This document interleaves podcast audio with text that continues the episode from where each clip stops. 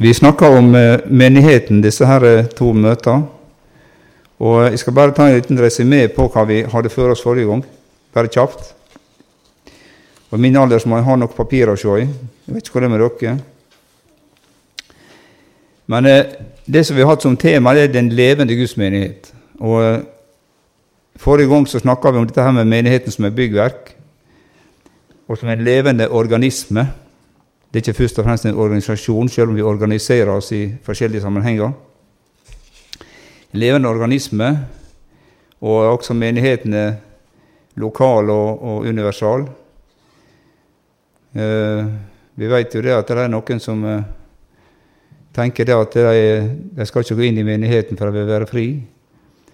Men hvis man på en måte oppdager hva menigheten er for noe utover Guds ord, så elsker man menigheten. Det er Kristi kropp, og vi får lov å være med og yte og nyte i den. Det hellige samfunn, spesielt samfunn. Og som vi er inne på sist, Roland Fangen han synger sangen, eller skriver sangen 'Guds menighet er jordens største under'. Og det, er faktisk, det skrev han under krigen i 1942. Og eh, det er ikke noe som er, det, Menigheten er helt unik. Det er noe som Gud har lagt der, og som er faktisk Kristi hemmelighet ut ifra Bibelen, det hellige samfunn. Og eh, Vi skal jo forvalte Guds ord. Menigheten er bolig for Den hellige ånd. Og det er også innsatt et åndelig lederskap som skal skjøtte menigheten. Og det er jo et veldig ansvar. Jeg har sjøl stått i den sammenhengen i mange år tidligere. Og, eh, men vi vet at det, det, er jo Guds nåde hele veien at vi får lov å stå i det. Vi er mennesker, vi er alminnelige mennesker, vi er feilende mennesker. Men eh, Guds nåde er det at vi får lov å være med og, og eh, tjene og være med og bære ansvar i menigheten. I kveld så eh, spurte jeg tidligere her om eh, vi kunne få lov til å dele denne her i to, så det blir litt lenger enn en vanlig møte. Uh, og hvis jeg preiker for lenge inni første bolken, så får jeg begynne å kremte, Harry. Så skal jeg prøve å stoppe. Da forstår jeg hva det er. Du er ikke forkjølt, du.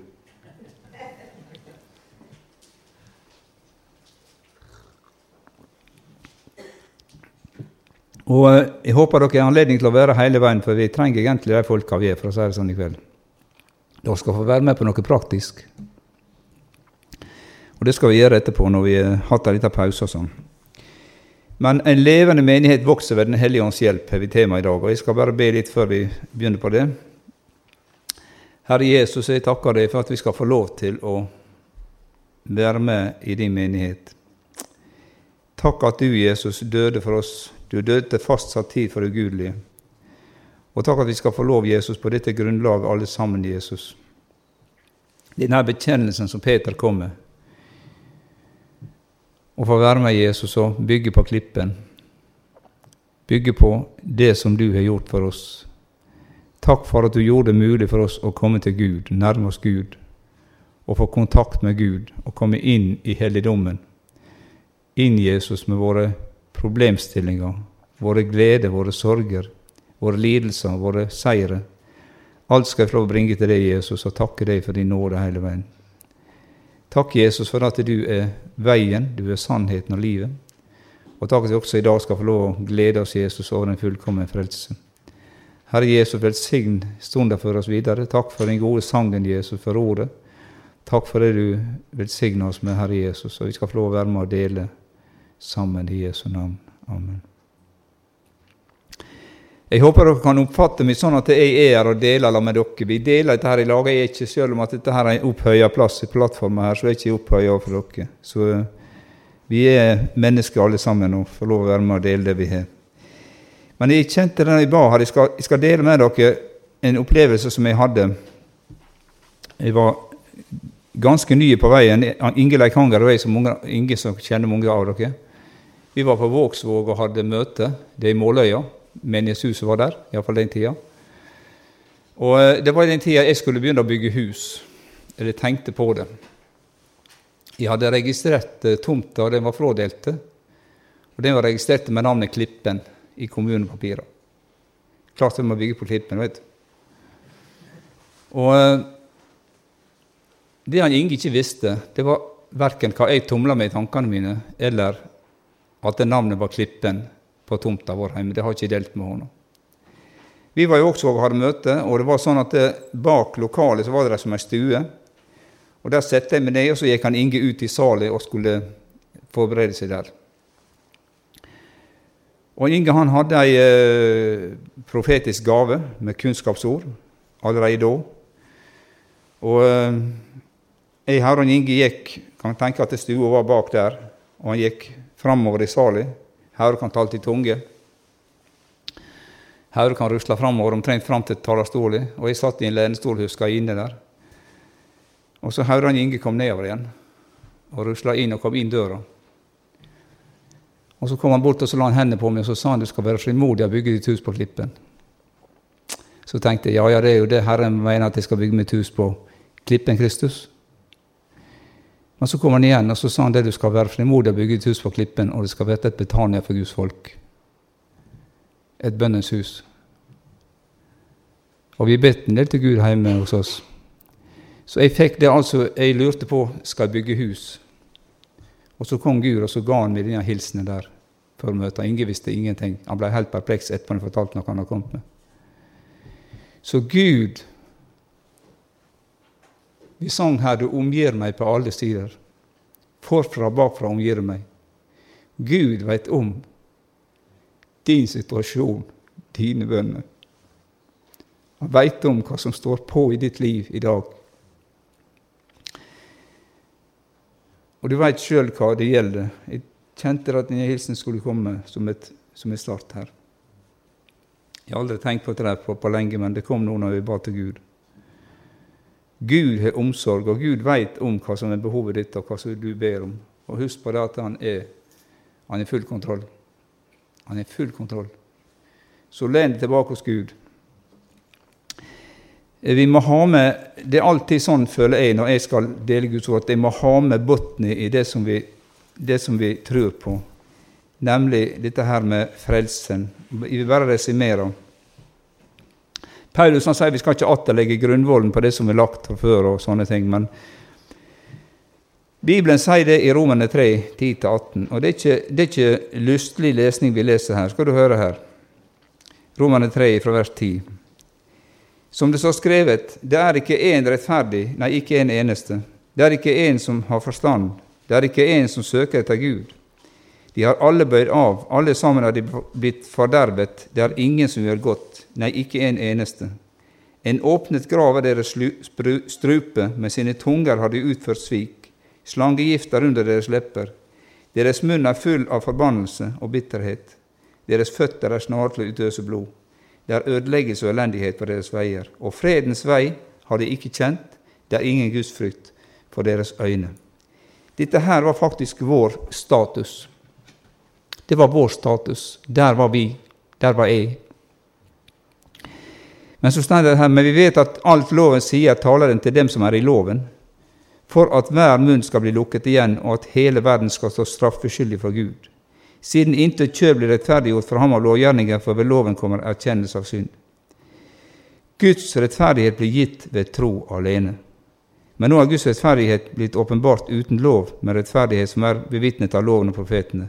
Det er Guds rettferdighet ved tro på Jesus Kristus, til alle og over alle som tror, for det er ingen forskjell. Rettferdigheten ved tro på Jesus Kristus. Alle har syndet og står uten ære innenfor Gud. Og så leser vi videre i Romerne 5. Det som står faktisk her, var at vi var døde. Vi var døde, borte fra Gud. Brutt forbindelse. Og Så leser vi fra Romerne 5, fra 1 til 5. Skal vi ta med det? Da vi altså er blitt rettferdiggjort av tro, har vi fred med Gud ved vår Herre Jesus Kristus. Ved ham har vi også ved troen fått adgang til denne nåde som vi står i, og vi roser oss ved håp om Guds herlighet. Fantastiske vers. Og ikke bare det, men vi roser oss også i trengsler, for vi vet at trengselen virker tålmodighet. Tålmodigheten virker et prøvet sinn, og det prøvede sinn virker håp. Og håpet gjør ikke til skamme, for Guds kjærlighet er blitt utøst i våre hjerter ved Den hellige ånd, som ble oss gitt. Vår status tre punkt. Rettferdiggjort av tro på Kristus. Vi har fått fred med Gud fred med Gud. Han er vår fred. Og Guds kjærlighet er utøst i våre hjerter ved Den hellige ånd. Da har vi alle muligheter. Alle muligheter.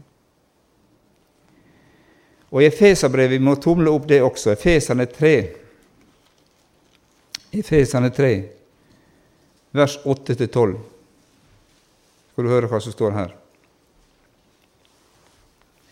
Til meg, som er den aller minste av alle de hellige, ble denne nåde gitt at jeg skulle forkynne evangeliet om Kristi uransakelige rikdom for hedningene, og opplyse alle om hva dette hemmelighetens samfunn er, som fra evige tider har vært skjult til Gud, som skapte alle ting ved Jesus Kristus.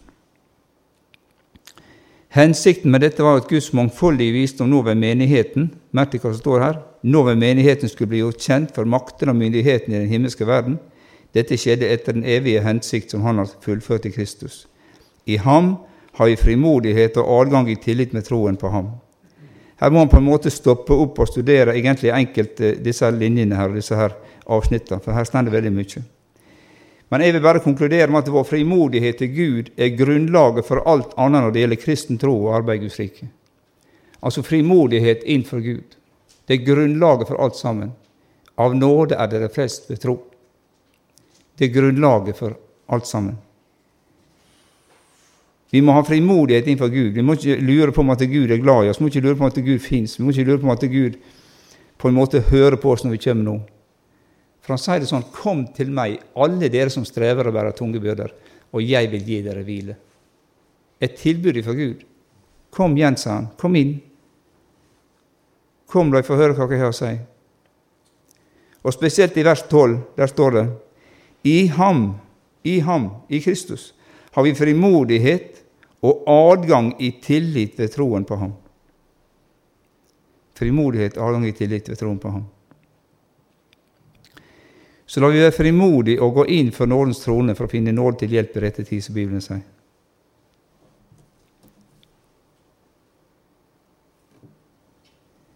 Når det gjelder menighetens oppgave og generaloppgave, vil jeg si Er det noen som veit hva det er? Dumt spørsmål. Hva er menighetens viktigste oppgave? Det kan godt hende vi er uenige om det, men forslag?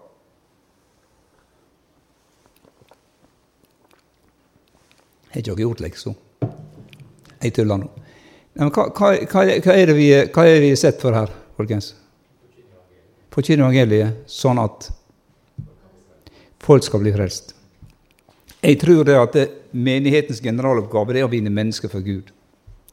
Vi har masse, vi har masse rutiner vi har masse øvelser som vi gjør, men, men punkt én er å vinne mennesker for Gud. At mennesker skal bli frelst.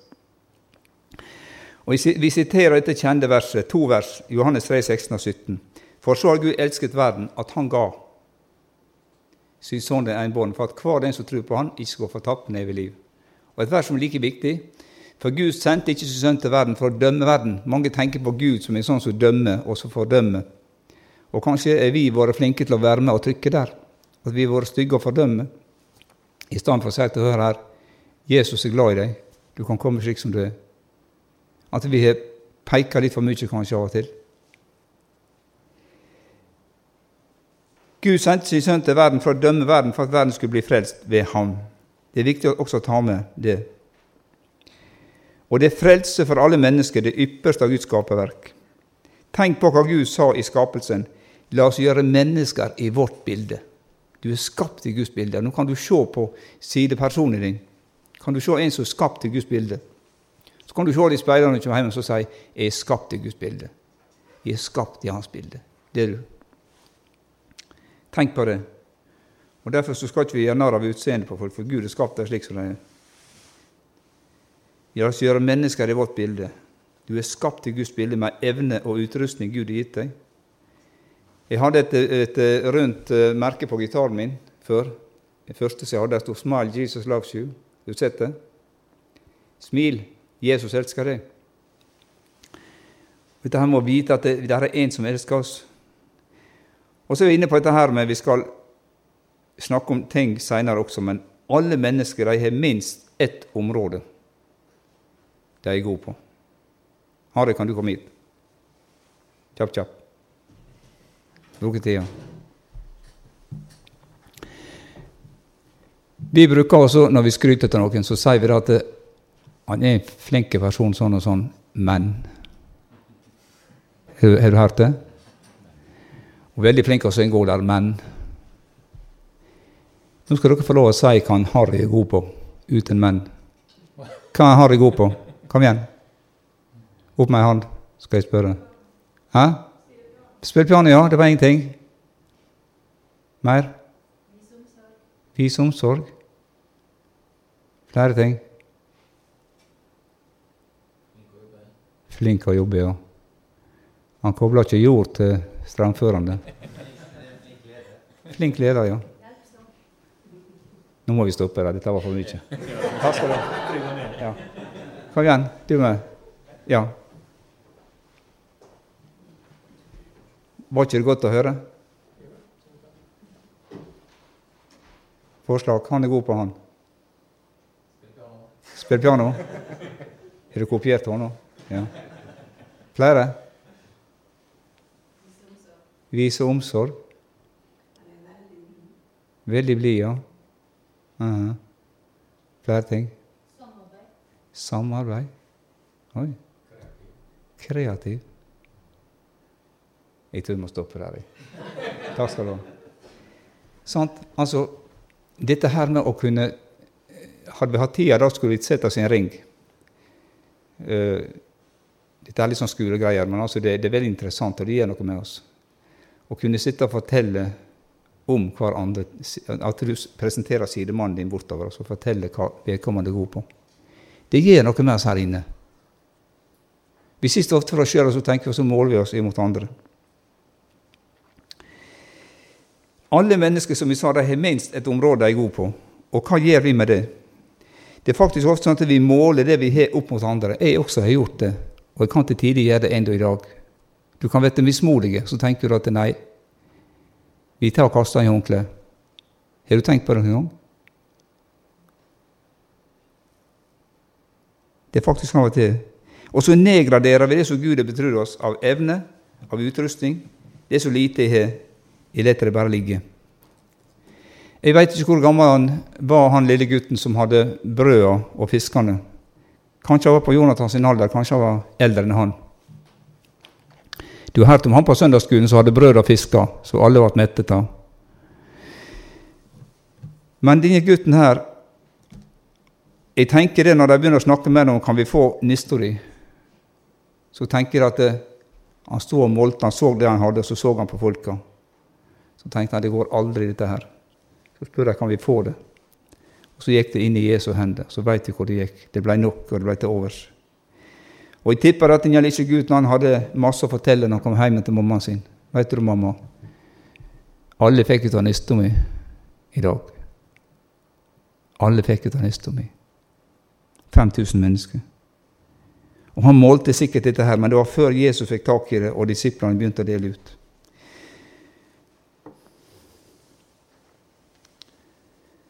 Og Det jeg tenkte på når jeg satt og jobba med dette, det var det at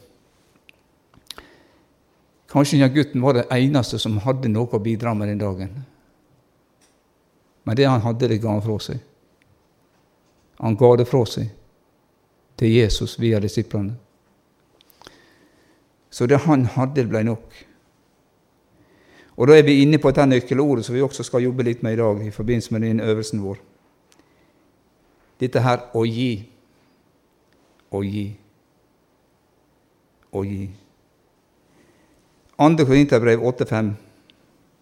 Der er et vers som jeg har stoppa litt for. Og eh, Det er snakk om hjelp til de hellige, altså det er snakk om sosial hjelp. Og I vers 5 så står det et ord som jeg mener er et nøkkelord for oss når det gjelder at Gud skal få fremgang i livet vårt. Ikke at jeg skal ha framgang, men at Gud skal ha framgang i livet mitt. Og at menigheten skal ha framgang med vekst og utvikling. Og vet du hva det er? Der står det sånn De gav ikke bare slik vi hadde håpet, men de gav seg selv først til Herren. Og så til oss. Guds vilje. Jeg tror det er nøkkel. For da blir det ikke sånn at Gud må dra oss med bissel og tømme, som står i Bibelen, men det er hjertet som driver.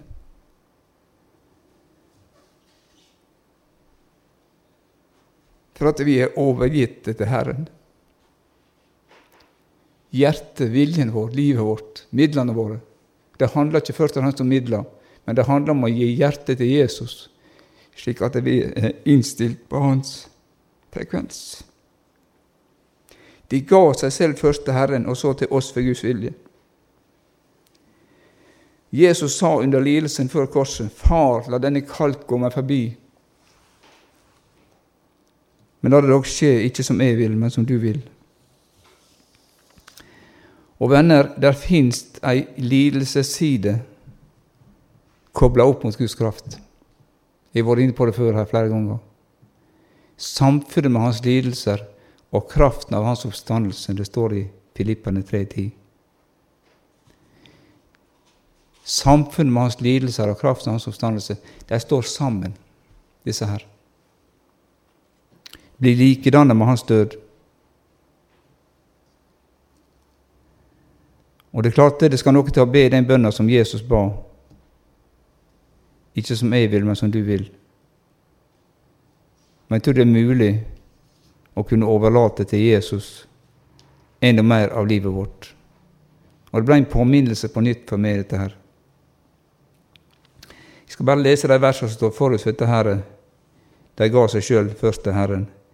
Dessuten, brødre, vil vi fortelle dere om den nåde som Gud har gitt oss, gitt menigheten i Makedonia midt i en stor prøvelse med trengsel, altså det var i veldige trengsel, det sto ikke hva det var for noe, så var deres glede så overveldende at den til tross for den dype fattigdom kunne virke en rikdom på gavmildhet hos dem.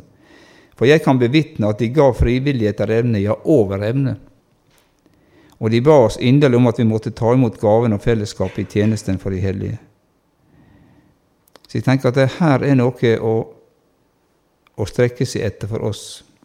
Ikke først og fremst som vi sa midler, men dette her med å si 'Herre, jeg gir på nytt igjen mitt eget liv over i dine hender'.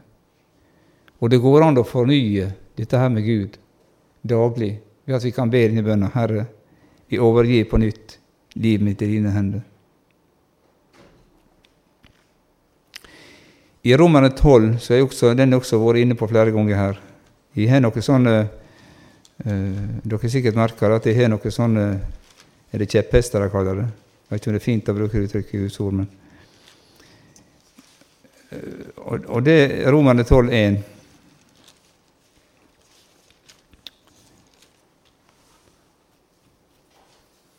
Og 2. Vår åndelige gudstjeneste handler om å stille oss disponible for Herren, og det er helt i tråd med dette her med å gi seg sjøl til Herren først.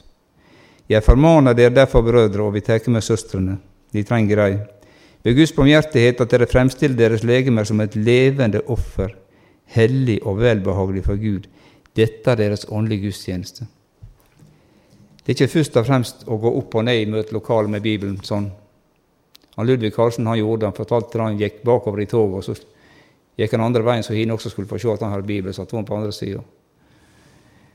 Men det handler ikke om det. Det handler om rett og slett å framstille våre legemer som et levende, Gud velbehagelig offer. Og det er ikke noe er høyt der oppe som ikke vi greier å ta tak i. Men det, det, det er lemmene våre, det er livet vårt, det er vårt være og ikke være. Er du med? Det er ikke, det er ikke, det er ikke åndelig eh, høytflygning, men altså et levende offer. Og et offer, venner, det er noe du har gitt fra deg. Det er ikke ditt. Gir jeg et offer, så har jeg gitt det fra meg. Jeg har ofra det, ikke sant? Jesus var et offer for oss. Og bli ikke likedannet med denne verden, men bli forvandla ved fornyelsen deres sinn, så dere kan prøve hva som er det gode og velbehagelige og fullkomne Guds vilje. Og vet du, Når Herrens ånd og dens salvelse får dominere våre evner og utrustning, så blir det til under i hverdagen. Det blir til under i hverdagen, det som vi styrer med. Det blir nok, men det er ikke brødet som vi har, de fiskene som vi har, for å bruke bildet. Og når Peter og Johannes hadde fått opplevd Den hellige ånds kraft på pinsedag, så er det det første vi leser om i Bibelen. De refererte ikke til sølv og gull, men de satt i stakkar ved fagre tempeldøra og trengte hjelp. Så sa de gull og sølv, det har ikke vi. Men de var bevisst på hva de hadde fått. De har fått en kraft i tjenesten til å løfte denne karen opp. Men det vi har, vi dem. Og du skal være bevisst på hva Gud har gitt deg, og ikke se smått på det. Du skal be Herren om å velsigne det, be Herren om å salve det. Med sangen og musikken og med, med elektriker og, og, hva som er. Ikke sant? Bil. Folk jobber med mye. Sølv og gull har ikke vi med det vi har gitt dem. Og jeg tenker på denne kvinnen som står i, i, i en av kongebøkene med oljekrukka. Det er kjent tekst som jeg ofte var preika over. Hun var i stor nød. Guttene holdt på å miste guttene sine til treller, og mannen var død og var i stor nød. Og Så roper hun til profeten, og så spør profeten, og jeg kan godt si at så spør Den hellige ånd, hva har du i huset? Husker du hva hun svarer? Jeg har ikke annet enn. Jeg har så lite. Og han nedgraderte til ikke annet enn. Men vet du, det hun hadde og var nedgradert og ikke regna med, det var det Gud tok tak i.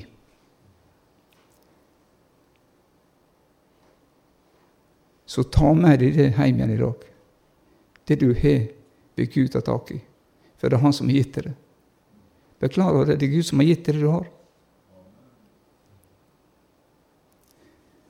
Og man tenker at vi blir eldre etter hvert, og vi skal liksom Nå skal vi overlate til de yngre. Og, og det er klart de yngre de skal være med, og de skal få slippe til. Men du har fått en plass som er din, ei hylle som er din, og den skal du skjøtte til beste evne ved Guds nåde. For at du er en del av det byggverket på det stedet som du er, i den menighet som du er, som skal være med i byggverket, sammenhengen. Levende steiner, som vi snakka om sist. Den hellige ånd fikk tak i denne kvinnen og hadde det redda hennes situasjon. Og hva det står? Betal din gjeld. Og det som er over, skal du leve videre. Betal din gjeld. Vet du hva det står? Bli ikke noen skyldig uten å elske hverandre, sier Bibelen. Og Da er det Gud som på en måte elsker oss først, og så kjenner vi at vi elsker, for han elsker oss først.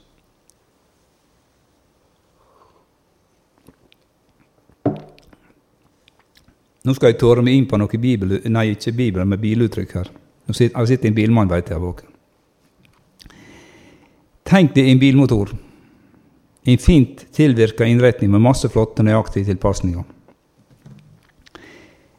Der nå setter stempel. Nå setter stempelringer. Jeg bare skriver opp litt. Der er veivlager, der er krysspinner, der er kamaksel, der er ventiler osv. Men er det liv i det? Det er dødt, alt sammen. Er, dere enige, er du enig i det? Det er død materie. Og der står en bil kanskje som har alt dette her innenfor panser. Glinsende, fine, flotte felger og mye hestekrefter. Men det bare står der. Og så spør vi hva som må til for at den skal kunne brukes. Nå kan du svare som fagmann. Hæ? Du må ha drivstoff. Mer enn det. Ja, du må ha gnist. sant? Må ha noe å tenne det. Er det noe mer som må være i sving?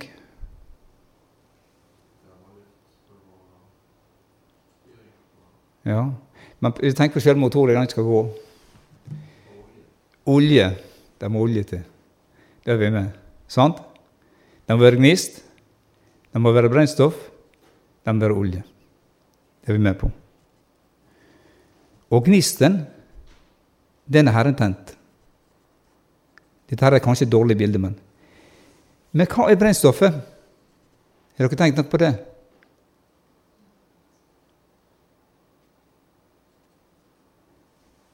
Det er sjøllivet vårt sjøllivet vårt.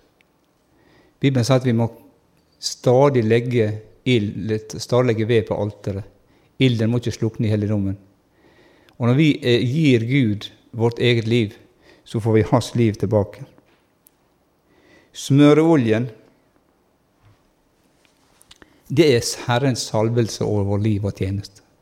Gud har skapt gnisten. Vi gir Gud inn i vårt liv og sier, 'Herre, ta mitt alt.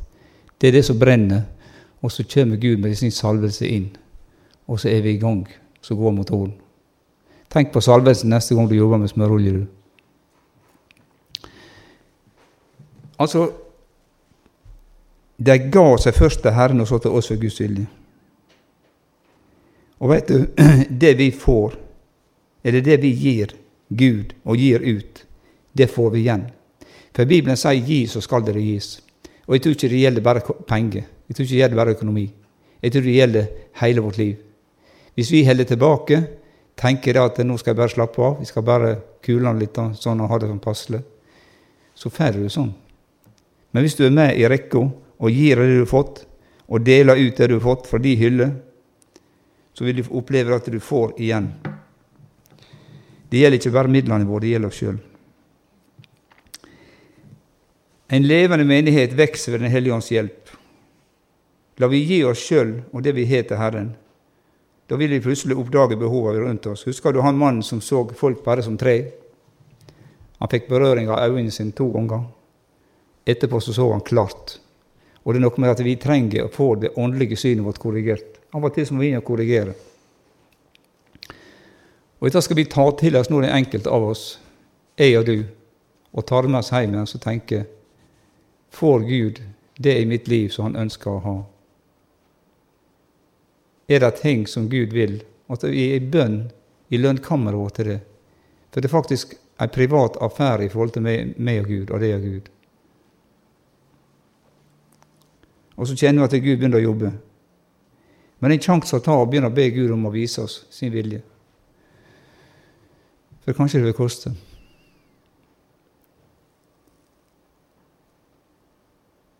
Vekkelsen det starter med meg og deg.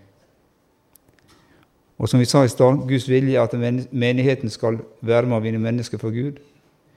Og det er noe så interessant som står i Bibelen, at eh, Jesus er Guds hemmelighet.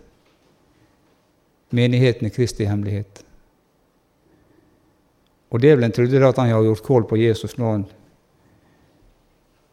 så på korset at det nå var han ferdig. Men Jesus døde for våre synder, oppsto til vår rettferdighet, sendte talsmannen i Hellige Ånd. Menigheten var født, og vi er en del av det, og der skal vi lov å være. Og prise Han for at Han har født oss på nytt til et levende håp. Jeg tror vi tar en pause der. Skal vi være enige om det? Jesus, takk for at vi skal lov å dele dette her. Takk at du velsigner vennene Jesus og velsigner forsettelsen for oss. Takk, Herre Jesus, for at du er god, og du har fredstanker med våre liv. Amen.